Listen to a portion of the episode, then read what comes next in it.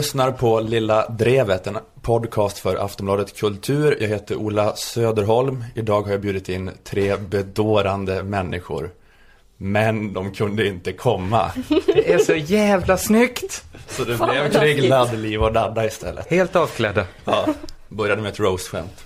Ja, jättebra roastskämt. Hej Ja, Ola. Hej. Idag så ska vi prata ganska mycket om eh, Nils Dacke, Malmöman 64, Human All to Human, folkkultur, Micke 1 och Shaken. Och alla de andra. Och Bilbo Bagger. Bilbo Bagger. Är det ditt gamla Norrlandsgäng? Ja, precis. Ditt gamla ska- White Reggae, reggae-gäng? Idag blir, det bara, ba, idag blir det bara mina lumparminnen. ja, men det här är då, det här är aliasen på Avpixlat. Expressen berättar vilka som döljer sig bakom dem. Eh, Så det Spännande. blir lite SD-special idag. Så nu kommer Alla du kommer avslöja vilka Expressen avslöjade, för de som inte orkat läsa. Ja, precis. Ja. Det här blir som en eh, betydligt omständligare variant utav Expressens avslöjande. Men vi ska prata om SD och vi ska också prata lite om Karina Berg. Ja, lite Carina Berg får det bli. Så att om ni som lyssnar är liksom helt ointresserade av SD så kan ni börja med att lyssna på att det finns ett skämt om Carina Berg precis i början. Så kan man stänga av efter det. Innan vi börjar så eh, vill vi tacka vår sponsor, Akademikernas A-kassa. Tack så det hemskt möjligt. mycket. Tack så mycket. Tack, tack. Gå med i a-kassan, det är solidariskt och det är bra för dig också personligen. För du får massa pengar ifall du blir av med jobbet. Istället för noll pengar. Nej, och det, då Skitjobbigt kan att ha man behöva pengar. pengar. när man inte har någon lön. Exakt. Eh, vi har ett meddelande från Akademikernas a-kassa. Är det Sjung okej ut, om jag sjung läser upp ut. det? Så här skriver de. För att knyta an till förra avsnittet och PISA-rapporten så kanske det är så att svenska elever inte heller har lärt sig att man ska gå med i a-kassan. Då är det dags att lära sig det nu. Gå med i a-kassan när du börjar jobba. Och ni pluggisar som kan allt om a-kassan har säkert hört att man får 80% av lönen om ni mot förmodan skulle bli arbetslösa. Det stämmer jättebra om du tjänar 18 700 eller mindre i månaden. Tjänar du mer så tycker vi att man också ska gå med i ett fackförbund med inkomstförsäkring så att du får 80% av hela din lön. Sen vill vi också passa på att hälsa till de som bestämmer att det vore bra om man kunde få mer i a-kassa. Kanske kunde i alla fall 80% av de arbetslösa få 80% av lönen. Det Så- låter ju superrimligt. Jättebra. Mm, tack Det för är- meddelandet. Ja, Kan vi inte lyssna på eh, det här om Carina Berg? absolut.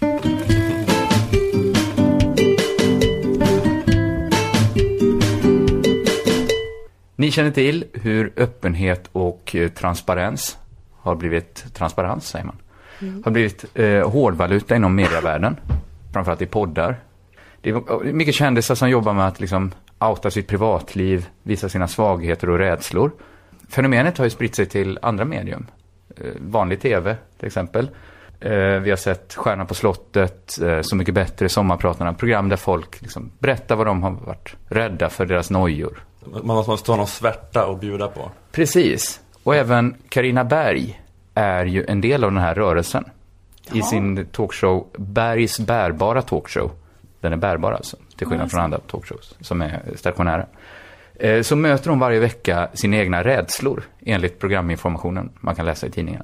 Hon är inte rädd att visa att också hon, som är så lyckad och har en så smal pojkvän, också har rädslor. Hon är faktiskt Sveriges smalaste pojkvän. Ja, ja. Det måste man ge henne. Det så måste man kan man ju bli avundsjuk när man ser henne faktiskt. Och jag tänker, det kanske är skönt för andra kvinnor eh, som går och tittar avundsjukt på Karina Berg och tänker att, tänk att hon som har en så smal pojkvän också kan känna rädsla. Här går jag med min plufsiga pojkvän, det är inte konstigt att, att jag är rädd och har nojor. Men så kan man säga att Karina Berg har också rädslor. Ja, just det. Känner man sig mindre ensam. Har hon inga brister? Jo, det har hon.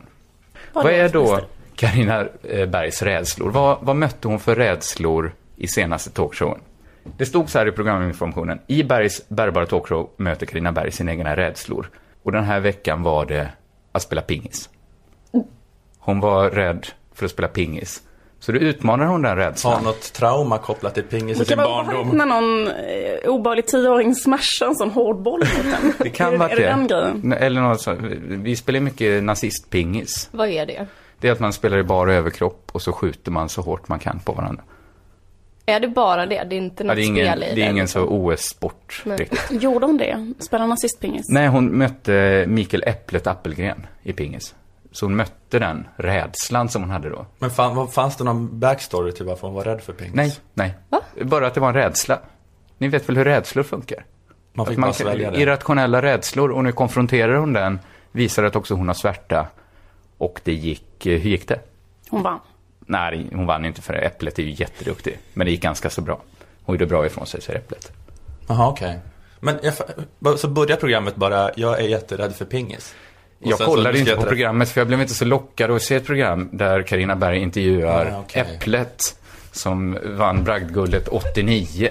Det var ju senast han var i ropet, Äpplet. Ja. Nu var han det tunga namnet i hennes talkshow. Han är väl kanske- också det, det minsta namnet i den trojkan i det svenska pingisundret. I en sport som inte inte får- är jättesexig lyckades han vara en av de minst sexiga. Ja, Absolut. och När man inte får Geo Waldner eller Jörgen Persson, då ringer man Äpplet. Det har ingen gjort sedan 1989. Men nu eh, var han huvudgäst i Bergs bär, eh, bärbara talkshow. Jag tror det är ganska jävla jobbigt att bära. Det är en rädsla jag har. Att liksom behöva bära och packa är det värsta jag vet. Alltså bära och packa ihop en talkshow. Det verkar så otroligt jobbigt.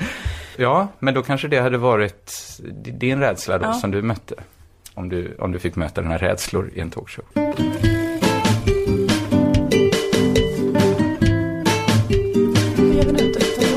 Ja, har ni hängt med av Pixlat-avslöjandet?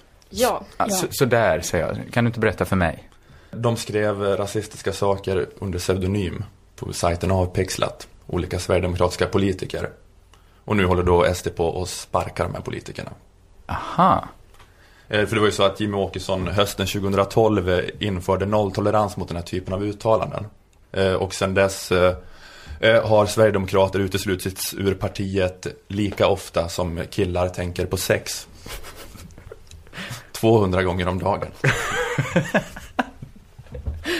Man förstår att, att det det är ju tufft att vara sd nu för tiden tänker jag. Just för att de har den här eh, alltså nolltolerans mot att säga vad man tycker. I princip. Det blir ju lite så. Dekret uppifrån att lägg alla åsikter och känslor i en burk och skruva åt locket hårt. Just det, det är någon slags överjag där som... Gå runt och vara en tryckkokare. Det måste vara väldigt ansträngande. Varför har de den här nolltoleranspolicyn? Alltså jag är nog inte först med den här spaningen men det är ju ändå, det är ju ändå lite deras USP att hetsa mot invandrare. Just det. Att det verkar jobbigt att ha nolltolerans mot att ge uttryck för sin USP. Det kanske är så att alla behöver någon typ av tolerans. Om de har väldigt lite tolerans mot invandrare kanske de behöver ha, man kanske behöver kompensera dem med en hög tolerans för invandrarkritiska röster. Alltså att Vänta. summan av to- toleransen är konstant. De De- är ju inte toleranta mot invandrare. Nej, Och sen ska de inte vara toleranta mot rasister heller. nej just det. Det blir, det blir för mycket nolltolerans för Ja, ett litet parti. Ja, precis. Det är ju det, är- det är anledningen till att folk röstar på dem. Så att de har då nolltolerans mot att driva den här opinionen de måste driva för att växa. Nolltolerans mot sin USP. Det är väl lite som om Socialdemokraterna skulle ha nolltolerans mot vänsterpolitik. Ha, ha, ha, ha, ha. Ja, men det kan, ja, men... Eh, Nej, men jag tänker, det, det kanske är lite en trend i och för sig. Man ser ju att Folkpartiet har nolltolerans mot liberalism, har ju de fått kritik för också. Man Just får det. inte vara emot FRA i Folkpartiet och Centerpartiet har nolltolerans mot landsbygden och sånt. Men icke desto mindre, även om det är en trend så verkar det jobbigt. Moderaterna har ju nolltolerans mot pärlörhängen. Ja, men exakt. Vänsterpartiet har ju nolltolerans mot kommunister. Just det. Man får ju inte typ älska Berlinmuren som Lars Ohly gjorde. Nej. Han var ju den galna tanten som ville ligga med Berlinmuren som Filip och Fredrik intervjuade. Det var ju Lars Ohly. Och nu var han tvungen att ljuga om det. Och säga att han har aldrig blivit intervjuad av dem. Ja, precis. Ja, men jag tänker att det är påfrestande. Och särskilt i Sverigedemokraternas fall då för att Alltså den här mot, känslan av motvilja mot invandrare Den är så svår, tänker jag, att fejka att man inte har För att det är ingen så rationellt argument riktigt Alltså det är inte så logiskt Det är ju en känsla man måste lägga band på Just det. det. Det, måste vara extra svårt i deras fall Ja, det är som att eh, dölja sin kärlek. Mm, precis Det är starka känslor. Ja, men det, det är väl aldrig så att eh, en order från en partiledare kring land Det har väl aldrig någonsin hindrat dig från att älska Nej. Det är lite svårt att förstå eh, taktiken bakom det. För de sparkade Erik Almqvist på grund av nolltoleransen. Eh, för att han skrek jävla babbe åt Soran Ismail på den där filmen. Men efter den där filmen gick då SD upp i opinionsundersökningarna. För att de nådde ju ut med det här budskapet, jävla babbe. Folk är glada i stugorna. Ja men det är för att folk känner jävla babbe som de röstar på Sverigedemokraterna. Jag tänker att det de säger när de sparkar ut folk för att de säger sådana här saker, det är att de bryr sig mer om att plisa det socialliberala etablissemanget och mainstream media än vad de bryr sig om att plisa sina potentiella väljare. För att alltså deras potentiella väljare tycker ju att det är otäckt med islam och romer och afrikaner. De vill ju höra det.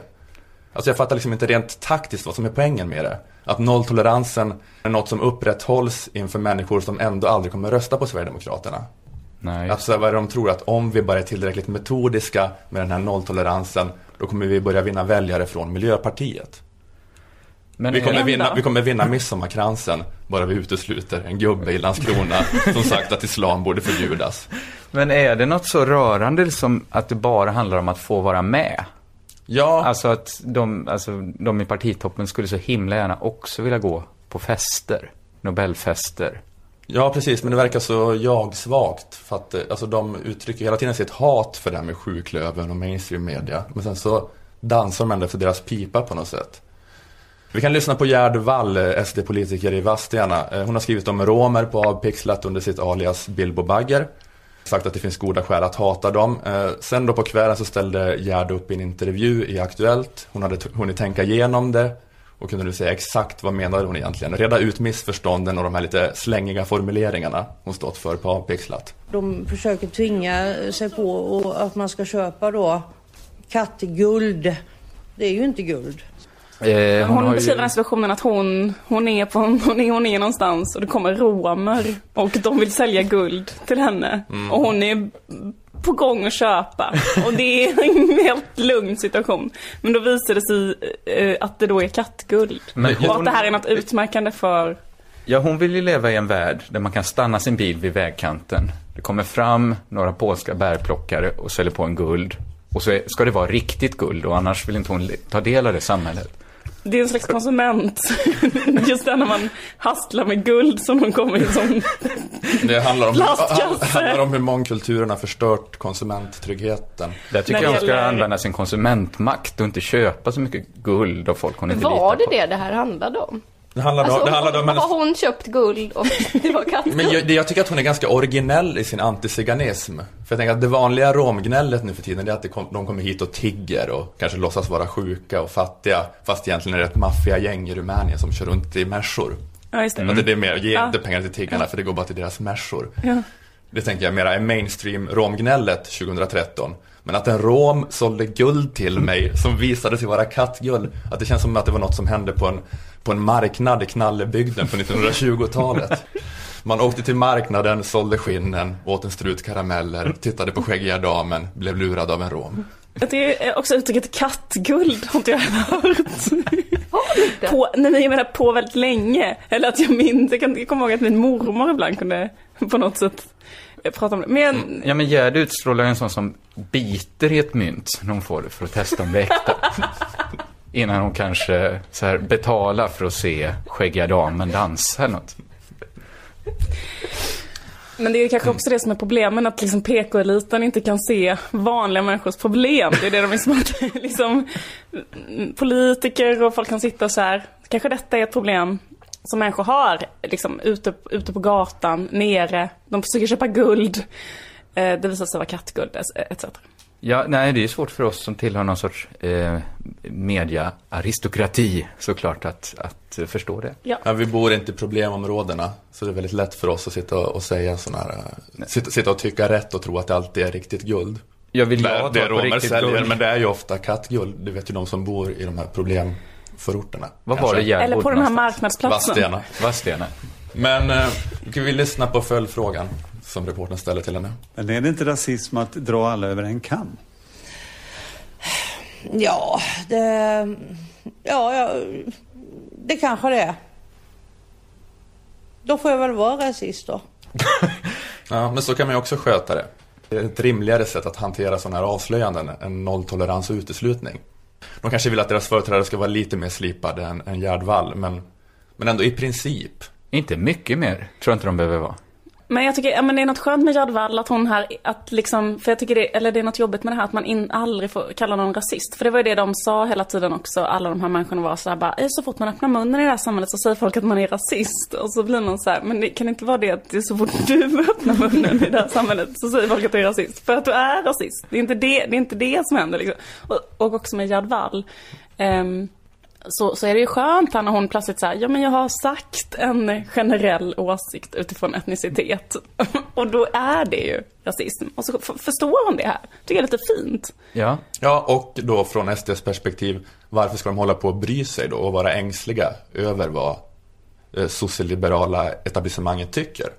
Alltså om ni vill kalla oss rasister, okej, fine, våra väljare köper inte, eller de bryr sig inte. De är sagt. rasister. Eh, Men istället eh, dyker då Linus Bylund upp i Aktuellt, eh, stabschef för SDs kommunikationsavdelning, har han som titel. Och han tar då avstånd och säger att det är den negativa publiciteten kring SD som gör att människor med sådana här värderingar felaktigt får för sig att de hör hemma i SD. Är man idiot, bonläpp och, och rasist så kanske man tror att man hör hemma i vårt parti. Alltså det känns så extremt kontraproduktivt ur SDs synvinkel att snacka skit om bonläppar. Så här, vad är det för taktik? Så här, hur tänker chefen för kommunikationsavdelningen här? Att vi ger upp det här med att vinna röster bland unga arbetslösa desillusionerade män i avfolkningsorter. Där har vi inte en chans. Däremot om jag står här i Aktuellt med min Oskar Lindros frisyr och säger bonläppar, då kommer vi vinna Södermalm.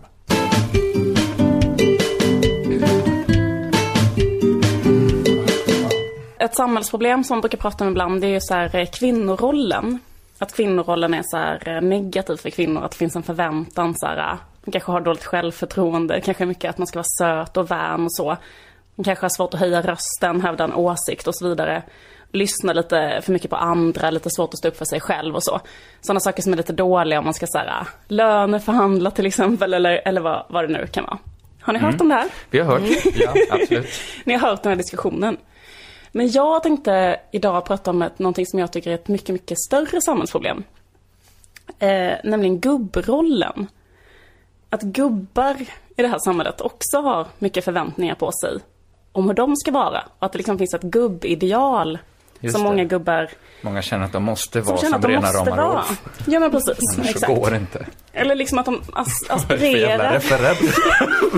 Men han är väl en gubbe? Eller var? Han fanns inte i verkligheten. De strävar mot ett ideal som inte är sunt. Nej. De strävar mot ett ideal som inte är bra. Gubbars könsroll är ju, som ni eh, bekanten är så här. Eh, Det är att man har för bra självförtroende. Och man har för lätt att hävda sin åsikt. Eh, Och man tar absolut inte intryck om någon annan säger något. Jag menar också att det blir dåligt, eh, att det är dåligt för samhället. Att det blir dåligt, det blir som en jobbig influens i hela samhället. Det blir som ett slags samhällsproblem. Och ehm, man kan fråga sig varför har det blivit så här? Och jag tror att mycket handlar om förebilder. Att det finns liksom dåliga gubbförebilder i media. Det finns ju verkligen. Det kan finnas liksom en, det är en helt vanlig gubbe kanske sitter och kollar på TV och då kommer det en, en gubbe i arméväst till exempel som är på TV och löser brott och som alltid, alltid är övertygad om att han har rätt till exempel. Då kanske den här helt vanliga gubben som sitter framför TVn kan få för sig att jag ska också alltid, alltid vara övertygad om att jag har rätt. Eller att det är en utrikesminister på TV som säger jag tänker inte be om ursäkt för den ståndpunkten jag hade i apartheidfrågan på 80-talet.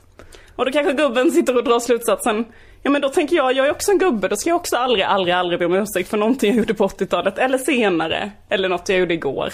Och så vidare. Och så är det igång. Så, ja, ja. Eh, Den här destruktiva spiralen, jakten på att bli en perfekt gubbe. Att passa in i, i liksom gubbmallen. Eh, Och det här samhällsproblemet tycker jag att man liksom, att det aktualiserades eller att man tänkte extra mycket på det just med de här uh, avpixlat-gubbarna som vi eh, pratade om innan. Och när Expressen konfronterade dem, hur deras liksom gubbroll låste dem lite. Till exempel, jag tänkte bara ta upp några exempel så vi kan, vi kan titta på hur det kan, hur det kan råka bli. Anders Dahlberg till exempel från Arlöv, han kandiderade för SD i kyrkovalet i höstas. Och då har han skrivit så här på, eh, i ett kommentarfält på Avpixlat. Det är bättre att beväpna oss etniska svenskar. Helst Glock 17 för herrarna och Glock 19 för damerna så att vi kan försvara oss mot berikarna. Eh, och när han blir konfronterad av, med, med detta då av Expressens journalist, då tänker man ju att det bästa skulle vara att säga så här. Eh, nej, eh, det var inte bra av mig att uppmana till raskrig. Eh, jag hade fel när jag uppmanade till raskrig i det här kommentarfältet. Jag vill be om ursäkt för att jag har uppmanat eh, till raskrig. Men istället så säger Anders Dahlberg så här. Då går du in här på att det är, det är bättre att beväpna oss etniska svenskar. Helst Lite ligger det i det. 17 Men jag har inte sett så mycket brott i händer. Lite ligger det i det. Li- Men det gör det inte. Nej, det kan inte vara bättre att bevä- att, att då alla etniska svenskar skulle ha en pistol. Det är det bästa han, en lite mindre pistol för damerna. Men det är, ja, Glock 19 för damerna. Det kan du väl inte tycka är en dålig idé? Jag, jag, jag tycker inte Vad är det. skillnaden på Glock 19? Jag är inte emot det att man kanske att Glock 19 är anpassar pistolen efter den som ska använda den. Jag är mer emot den stora frågan om alla verkligen ska ha pistol. Jag är så trött på det här äh, att, att tjejer och killar ska ha samma pistol. Vi måste inse att vi är olika. Ja, jag är den första att skriva hand upp på det. Så måste man ha en eh, Glock 19. För som passar ens lilla, lilla hand. Jag tänkte vi skulle bara titta på ett lite, lite mer komplicerat fall. Och det är Tommy Jonsson som sitter i Ystads kommunfullmäktige. Apropå det här att en- aldrig kunna säga att man har fel. Eh, han har skrivit så här. Ehm, ja, vi kan höra. För Expressens journalist citerar själv vad han har sagt. Frågan blir mer och mer aktuell för varje dag som går. Hade verkligen Adolf så fel? Louvren. Nej, den har jag inte skrivit. Den har jag inte skrivit. Den, den har du skrivit. Nej, absolut inte. Eh, Ja precis, Tommy Jonsson har ju då sagt, eh, skrivit här, hade verkligen Adolf så fel? Eh, Men, och sen först förnekar han då att han, nej det har han inte skrivit. Men sen är det så konstigt för sen känns det som att hans gubbideal ändå liksom tar över här. För även om han säger att han, det är inte ens han som har skrivit det. Men, och, och det är också en åsikt som man känner skulle vara ganska lätt att säga så. Jo, Adolf Hitler hade fel. Det är inte svårt att, att liksom säga det. Men... Nej, det är eh, ingen kontroversiell åsikt Nej, det är som ingen man behöver kontroversiell skämmas åsikt och så. för. Men då så säger han för oss, nej det är inte jag som har skrivit det. Men sen kommer det ändå på det här att han måste eh, ändå hålla fast vid den här åsikten. Han måste ändå, det är liksom den extrema motviljan mot att erkänna att han har fel som tvingar Tommy Jonsson att fortsätta på spåret att Hitler var bra. Ja, men det var väl jobbskapande åtgärder, den sociala biten och få landet på fötter och bygga autobahn och barnomsorg byggdes ut och allting sådana här grejer. Fan. Ja. Men jag menar bara att det här hade varit bättre att ge sig direkt. Ja. Och, och slutligen så tänkte jag ta upp ett sista offer för gubbrollen som är eh, Ronny Lindberg från SD i Landskrona. Eh, han har liksom en, en eh, helt egen teori, en väldigt, jag vet inte hur många som står bakom den här teorin. Men det är nog inte så många. Det är, teorin är så här att svenska regeringen tillåter homosexuella att lämna blod för att de vill att svenska folket ska utplånas. Det är en stark åsikt att ha. Eh, det är en teori som liksom, eh, som är, tycker jag, ett, ett exempel på för bra självförtroende. att, att man är i princip ensam om, om sin teori. Men Men man man, kanske- tror ändå på den. Ja, man, kan, man börjar det här, jag vet väldigt lite om läkemedel och hela medicin. Hela den biten. Jag har nästan inga homosexuella vänner. Jag vet inte riktigt hur det här funkar. Men antagligen vet jag bäst. Precis. Så här, så här mycket tror, eh, tror han på sin teori. Så du menar att om man tillåter homosexuella att få lämna blod, att det är regeringens försök att smitta svenska folket med hiv? Ja, ja, ja, man kan diskutera det naturligtvis. Va? Ja, det är det vi det diskuterar. li- där ligger- Berätta. Där Tycker ligger du det? ju, där ligger i linje med, det, med deras, hela deras utgångsläge. De säger nej, va? men det är ju så. Va? Millions of people have lost weight with personalized plans from Noom, like Evan, who can't stand salads and still lost 50 pounds. Salads, generally, for most people, are the easy button, right? For me, that wasn't an option. I never really was a salad guy. That's just not who I am. But Noom worked for me. Get your personalized plan today at Noom.com. Real Noom user compensated to provide their story. In four weeks, the typical Noom user can expect to lose one to two pounds per week. Individual results may vary. Så det backar jag inte för ändå. Va? Det är bara så. Det är bara så. Det backar Ja. jag inte från. Eh, för han tror då att om han backar från sin egen åsikt, då kommer han inte längre att vara en riktig gubbe. Eh, och det är här jag tror att åtgärder måste sättas in. Att liksom samhället måste visa för de här gubbarna att de behöver inte uppfylla gubbrollen. Att det kan vara coolt också att gå utanför gubbrollen. Till exempel att man, att man kan ändra sin åsikt eller man kan ta intryck av vad någon annan säger och så. Att vi måste i samhället tillsammans vidga idén om vad en gubbe kan vara. Vad har du för det? Vad kan en Ska det vara gubbe lite vara? andra förebilder då? Ja, det behövs nya förebilder. gubbförebilder. Mm, precis. Du behöver inte uppfylla en perfekt gubbroll, du kan vara en gubbe ändå. Ja. Det är det, det, Men är det meddelandet liksom som, eh, som att- samhället vill sända. Och tänka ut lite bra role models. För... Sture Bergvall. Han har ändrat sig. Han erkände att han hade fel. Han erkände att jag, jag, har inte, jag har inte begått alla ouppklarade mord i Skandinavien de senaste 40 åren. Som är jag sa att jag hade gjort. Förvånande för Göran Lamberts att Sture Bergvall skulle komma på innerspåret och springa om honom så sent i livet. Ja, för Göran Lambert är ju, Göran Lambert är ju typen då det här problemet som du pratar om, att han eh, kan Jättebra absolut gubbe. inte... 10 meter kvar till mållinjen. Då startade Sture Bergvall att springa så fort han kunde och sprang om Göran Lambert. Men för att Göran Lambert är fast i den gamla ja, gubbrollen då. exakt. Vi kan säga att eh, liksom det är Sture Bergvall pekar ut eh, riktning mot framtiden och Göran Lamberts... Eh, Mm. Sture Bergvall, morgondagens gubbe, Göran Lamberts, gårdagens gubbe.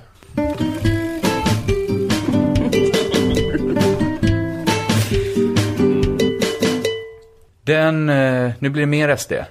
Det blir någon sorts SD-program där. Mm. Det är vi väl öppna med. Ett SD och Carina Berg-program som vi sa Mm. inledningsvis.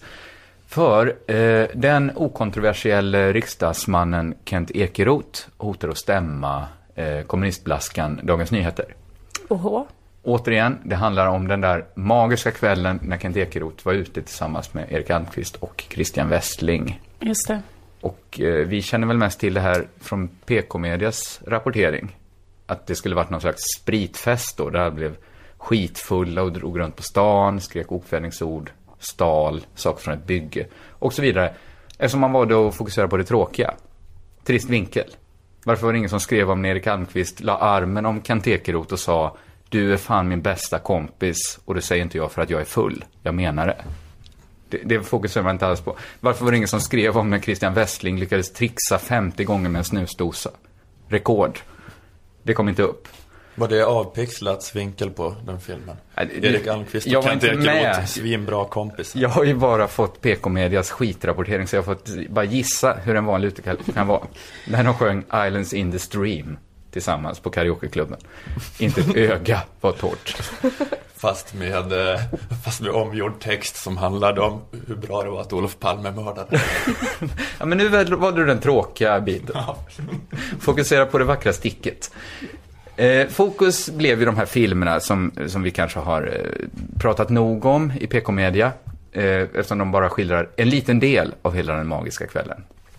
Tråkigt. Jag, jag, jag har en grej om det där. Jag tycker att det är tråkigt att den, det kallas järnrörsskandalen och järnrörsfilmerna. För jag tyckte att järnrörsdelen var helt oproblematisk. Ja, Ja, för det tror jag är sånt som folk kan relatera till, att man gör dumma saker. Alltså det är ju vanligt dumma saker. att sno precis. saker från ett bygge. Ja, det är sån, ja, precis. Det, sånt där har jag gjort tusentals gånger på fyllan. Man bara tar GB-glassgubben och går runt med den. Eller någon pinne eller vad som helst som man hittar. Det var Ja. inte det som var grejen med den där filmen. Så sluta kalla den järnrörsfilmen. Ja, Vad ska man kalla den då? De som sa hora-filmen. Ja, Babbe och Hora-filmen. Ett orättvist utsnitt av en i övrigt bra kväll. Ja, men jag tycker ändå det var obehagligt. Alltså de hade ju järnrör för att de skulle spöa någon. Att ta upp en GB-gubbe. Ja, det kan Det hade i och för sig varit väldigt obehagligt att bli misshandlad med Med den jättestora i foten av cement som någon skulle vara. Men ja, det hade varit mardrömslikt att bli misshandlad av en GB-gubbe. Med en GB-gubbe pratar vi Läskig ändå. clown liksom, som, som kommer mot en. Jag hade mycket hellre bli misshandlad av järnrör. Nej, men så ska man inte. Det här kan vi diskutera hur länge som helst, hur viktiga järnrören var. Vi, vi har ändå fel fokus, det tråkiga fokuset. Ja. Men ett ännu tråkigare fokus har nu kommit upp. Och det var ju att tidningarna glömde helt bort att det här var Kent Ekeroths filmer. Det var ju hans. För visst kunde han ta att han hängdes ut i pressen som en sablig idiot. Men det är det som är det stora mysteriet, att man, hur kom de över hans filmer? Att det vill man ju... Det skulle man vilja, jättegärna vilja veta. Ja. Men, men det viktiga här är att det var faktiskt hans filmer. För det finns ju sådana som har hoppat av Sverigedemokraterna för att partiet har blivit infiltrerat av judar.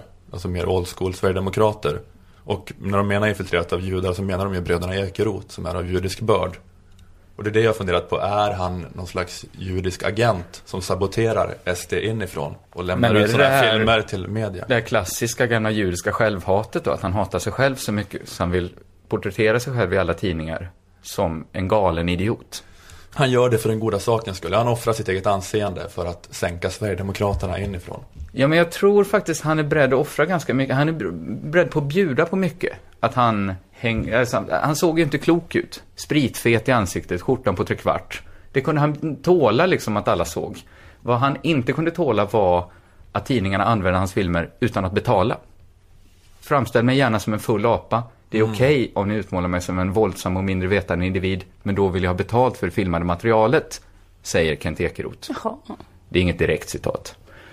Eh, Ja, men det är det som är hans case, att han vill att de ska betala. han, det är hans nya case, att han vill ha 70 000. Så, inte som plåster på såren, utan betalt för filmerna. DN har liksom publicerat stillbilder från filmerna i, i tidningen. Precis, i Är det, papperstidningen. vad är det, vad ger SFI till någon som ska göra en pilot till en kortfilm? Det kan det låter rätt så mycket, 70 000. Ja, men man får ändå, jag tycker ändå man kan räkna in att tidningarna måste ha tjänat mer än 70 000 på de här filmerna. Så just där tycker inte jag, Men var det just det? Var det inte Expressen som det var, släppte jag vet inte, jag vet inte, det är lite snårigt varför han gett sig på just DN. Han kanske inte gillar DN. Eh, men, men där kan jag ändå tycka, vadå, har de tjänat pengar? Det var ju ändå hans filmer. Och Kent eh, Ekeroth har ett ombud, Staffan Teste, som, jag vet inte om ni känner till, han har gjort sig känd som en helt okontroversiell jurist. Är det Bildombudsmannen? Det är bildombudsman. Det är lite olyckligt att han valde det namnet. Eftersom det låter ju som att han är en ombudsman som går i någon sorts myndighetsintressen.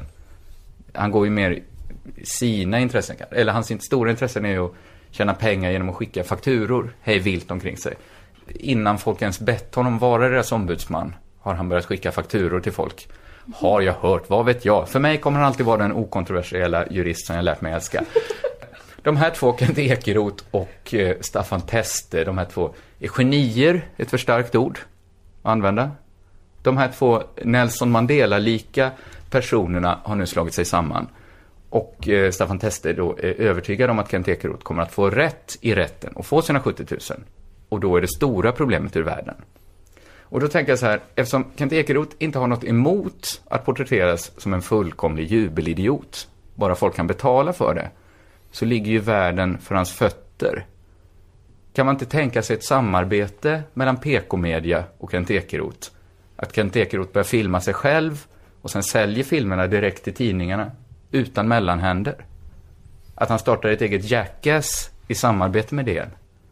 Här åker Kent Ekeroth kundvagn nerför Götgatsbacken, full på burköl, Turkiets flagga i stjärten, sjungades Jag vill ha en egen måne. Filmen producerades av Kent Ekeroth för DNs webb-tv. Det är ändå, jag tycker det är ett ganska intressant scenario i så fall. Eftersom han, han har ju själv öppnat porten för det här. Absolut. Aftonbladets kvinnosida Vendela hade kanske varit intresserad av att köpa en film där Kent Ekeroth dansar erotiskt till Björn Söders känsliga gitarrspel. Sexiga men smakfulla bilder. Det kostar 70 000. Men fan vilken klickraket.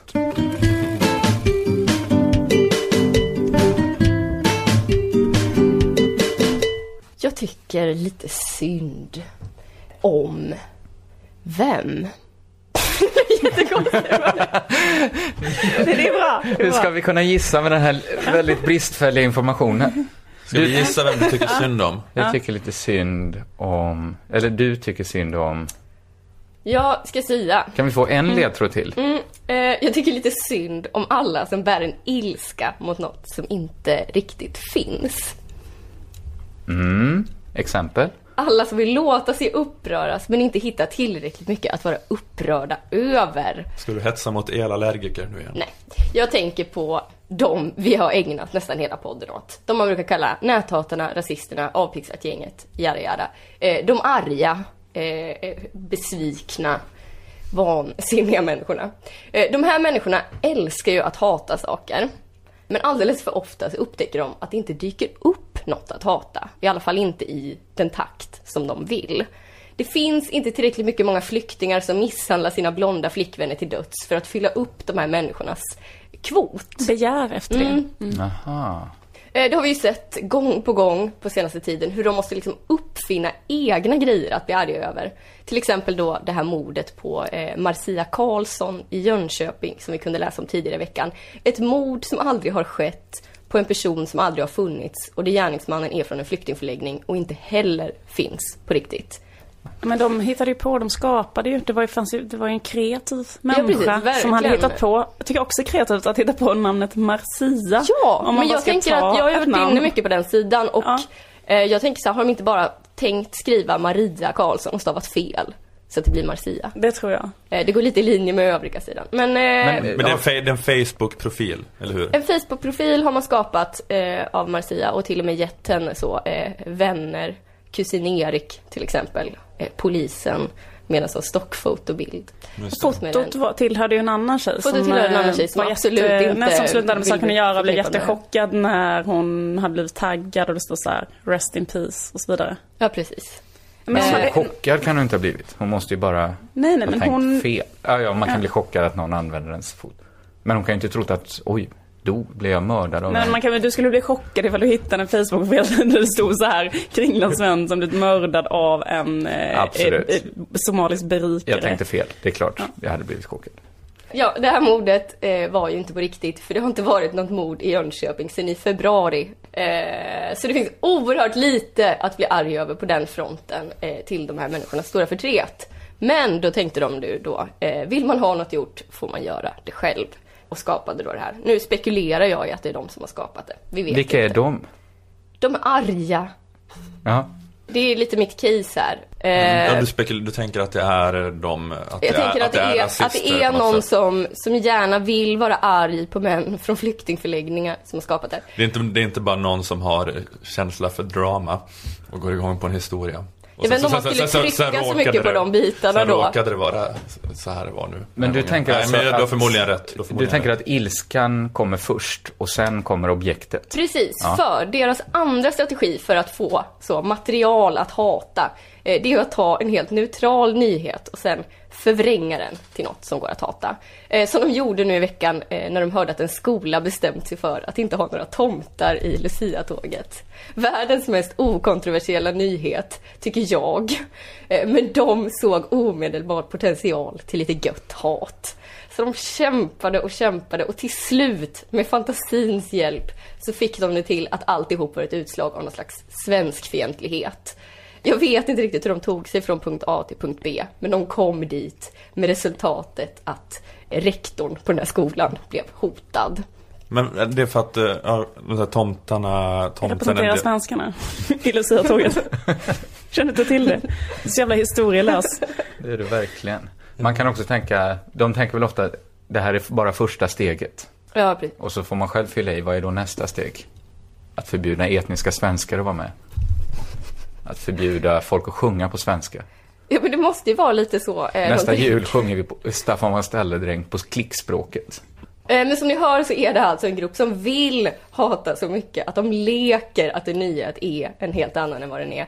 Men var det Sverigevänner bakom eh, det här eh, tomteupproret? Det är den enda kritiken jag har sett mot Ja. det. Att det är... Att det är... Att det förstör svenska traditioner Ja, jag tror att det hakar på lite från förra årets det här, nu får man inte vara pepparkaksgubbe. Och nu, nu tar de tomtarna också. Men va, Nästa dag tar varför, jag blir lite nyfiken då på varför skolan förbjöd tomtar. Nej men jag kan berätta faktiskt, för jag har precis varit på ett luciafirande på mitt dagis och det är så här att eh, barn vill inte vara, ehm, vill inte ha på sig en lång vit klänning. Nej. Eh, därför blir det så här istället i ett luciatåg, att alla är tomtar. Och då kan du tänka dig att du är en rektor, du vill ha ett stämningsfullt tåg. och då kommer bara, istället för att det är den här härliga stämningen att det liksom är vitt som lyser upp i vintermörkret och alla har ljus. Då kommer det bara liksom en sån konstig, eh, sån konstig parad. Eh, det är bara tomtar. Det kanske, jag ska säga var 90% tomtar. Och så Ja, kanske ett barn Och har sån, så eh, att lite man- mer gammaldags förälder som har liksom tvingat på dem ett sånt. För om man frågar ett barn, vad vill du vara? Då säger barnet tomte. Men förr var det väl liksom en roll som man gav så här obsklassar och dampbarn fick vara tomtar för att de kunde inte stå still och sjunga. Som krävs av de andra. var, var det så på din skola? Ja, men så tror jag det var på alla skolor. Ja, Ja, men liksom att de, kunde, de kunde inte stå upp, de satt ner också. Då. Men varför var jag då tomte? Ja men det är liksom så här att de har en teori också om, på den här skolan om att tomtar har tillkommit så här sent. Att de, för de är ju själva värna om det gamla luciatåget. De vill verkligen har tillbaks till det vita, gamla. eh, dräkter på sig. Alltså de vill pre-tomtar och troll. Exakt. De vill tillbaka till det riktigt, Nej, men jag tror att det, i liksom, det var ju, alltså det här är en sån faktoid som jag själv har uppfunnit. Men jag har ju en teori om att det är typ att, att det var Anders Zorn som uppfann Lucia i Sverige. Att Lucia fanns inte fram tills en dag så kom Anders Zorn på en idé och det var så här. När jag vaknar då vill jag att olika kvinnor från byn ska komma till mig i sina nattlinnen med utsläppt hår. Och jag vill, vänta lite jag måste tänka lite till. Jag vill att de ska ha med sig bullar och de bullarna ska de ha bakat själv. Och de ska de ge till mig. Och vänta en idé till. De ska sjunga något jättevackert för mig och jag ska fortfarande ligga kvar i sängen. Och de ska bara vara i min, liksom det kom han på. och började införa, han är en av de första som liksom införde detta. Så det är ju en rätt så ny tradition som är mycket baserad på så här Anders Zorns eh, passion för bullar och eh, kvinnor med särk. I enkom nattsärk. Mm. Så det är det vi alla kämpar för att hålla fast vid. Ja, om det, detta är sant. Ja men det är liksom lite sant. Det är typ så här, det är sant och inte sant. Jag tror typ att först så firade man inte riktigt så. För, förlåt att jag var... Men Andersson bort. firade Lucia. Ja, han började liksom att införa Lucia-firandet så här och sen så tog man upp det i så här veckotidningar och sånt och då började man ha sådana här Lucia-omröstningar då blev det stort. Men det är ändå ganska sent. För innan hade man sån här Lucia i Sverige. Typ alla, det var kolmörkt och så sprang alla runt på, i husen och typ bara bankade i, i väggarna och skrek och var så här demoner typ. Alltså det var skitobehagligt. Då tycker jag är son gjorde något bra. Och Lu- Lucia var ju en feminin demon som hette Lucy. Bla bla, skit i det. Det är en jättetragisk historien om Lucia. Är inte det alltså om Ja men Sankta det är, ett, Lucia? eh, ja, men precis, det, är, det är ju från Hon- hon- Italien men typ det finns Hon, en hon slags petade ut svensk... sina ögon. Just det. Det För var att få ligga med Anders son. för att få ligga med Andersson. Så gick det till i, i det medeltida Italien. Varför hö, högtidlighåller vi inte det här mer? Ja men Andersson gillar bullar och brudar. Ja, det gör Så han. därför firar vi Lucia. Men det hade varit Varför ska roligare att vända på det då att, ja men förr fick väl bara en vara Lucia, men nu kunde ju då en få vara Anders son istället. Och så blir, det, så blir det den typen av konflikter. Ska inte tjejer få vara Anders son också? Så kan de här arga människorna storma över det. En tjej kan inte vara Anders son. Jag kom, ju- jag, kom, jag kom ju trea i Norrbottens Anders son. En gång. Man behöver inte Snälla kunna Nanna, sjunga fortsätt, och sånt där. Ja, eh, fortsätt. fortsätt nu istället. Ja, vad, vad, vad Det hade Sverigevännerna varit tvungna att hitta på. Ja, precis. Eh, eller då twista nyheter på olika sätt. Eh, men oavsett vad det här beror på, att man måste skapa verkligheten för att kunna hata den, så förstår man ju att det handlar om, om eh, då längtan. Längtan efter det där riktigt stora hatet. Eh, det där hatet som man bara kanske får känna en gång i sitt liv.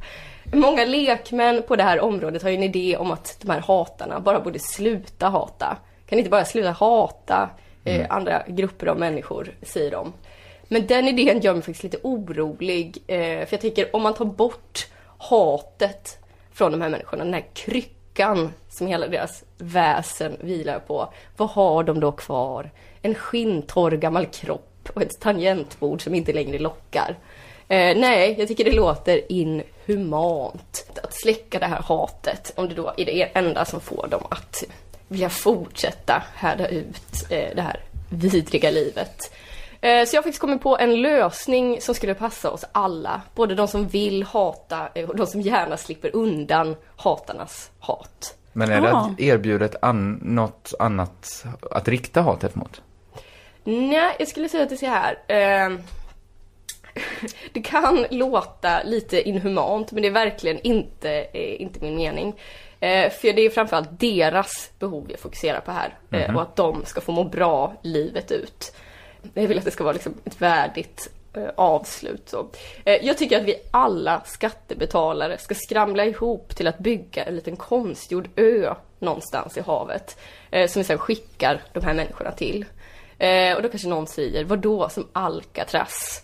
Men nej, nej, nej, nej, nej, nej, nej. Det här ska vara en riktig paradisö. Ingenting ska saknas de här människorna. Det ska vara underbart. Det ska vara fullt av eh, bekvämlighet och trevligt. Det är tomtar, Du allt beskriver en, en värstingresa från 90-talet. Är det så? Fast men de fick väl ändå, de kommer ändå hem? Du menar att de ska de bo, ska få att de ska få ett bo paradis där det inte finns Det något viktiga kalla- är att det ligger liksom avskärmat från eh, ett civiliserat samhälle. Men i övrigt ska det vara allt, allt de älskar. Och väl på plats på den här ön så får då invånarna titta på dagliga nyhetssändningar eh, som då innehåller allt som de bara kunde drömma om att få uppröras över. Det är så här en helt redigerad Kalankas julafton. Ja, precis. Ingenting Precis. kvar. Nöjesparken Astrid Lindgrens Värld har jämnats med marken för att lämna plats för mosképarken Allahs Värld. Eh, Das Kapital och Skummanifestet har blivit obligatorisk läsning för alla försteklassare. Eh, nu till sporten. Sporten finns inte mer. Eh, och så vidare. Eh, åh, så det kokar i dem. Det är rena hathimmelriket. De får sitta och gå i taket flera gånger om dagen eh, tillsammans med likasinnade. Vad kan kännas bättre för dem? Eh, man kan ge dem små datorer som de tror är uppkopplade till internet men som egentligen bara går rätt ner i havet, eh, de sladdarna. Och så kan de sitta där och knattra ihop sina dödshot eh, och skicka dem till ingen alls. Eh, man skulle kunna så här bygga en stor feministisk skulptur på den här ön som bara står och tonar upp över hustaken. som Så de kan bara gå och provoceras av. Så kan de få skriva insändare till, eh, till en lokal tidning som medvetet refuserar deras insändare då, så att de ska ha ett case eh, om att vara tystade. Eh, och så här får de leva sina dagar, lyckligt hatande och lyckligt ovetande om att hatet inte drabbar någon. Och vi andra får bo kvar på fastlandet i ett lite mindre gnälligt och hotfullt Sverige. Eh, jag tror att det vore den bästa lösningen för att det, är, det bejakar allas intressen. Det är en vacker tanke men den funkar inte i praktiken. Men våra intressen då? Har inte vi den här paradisvärlden nu när vi får sitta i den här podden och hata på, på avpixlat? Är detta vår paradisö? Ja, Det här kanske är vår det. paradisö. Jag hade föreställt mig paradiset annorlunda. Avpix, avpixlat kanske inte finns på riktigt då? De säger kan det vara så? att Det- det- den här podden går ut men den går bara rakt ner i havet. Men det är ju en, en intressant variant på Matrix man skulle kunna göra då. Jag har typ inte sett Matrix och jag brukar inte gilla när folk refererar till den. Men Du att sa- alla lever, ja, jag säger emot mig själv lite. Men, men att alla lever i små sådana kokonger, kokonger. Avpixlat finns inte på riktigt. Det är bara ett dataprogram konstruerat för att människor som har en podd på Aftonbladet Kultur ska ha något perfekt att sitta och störa sig på.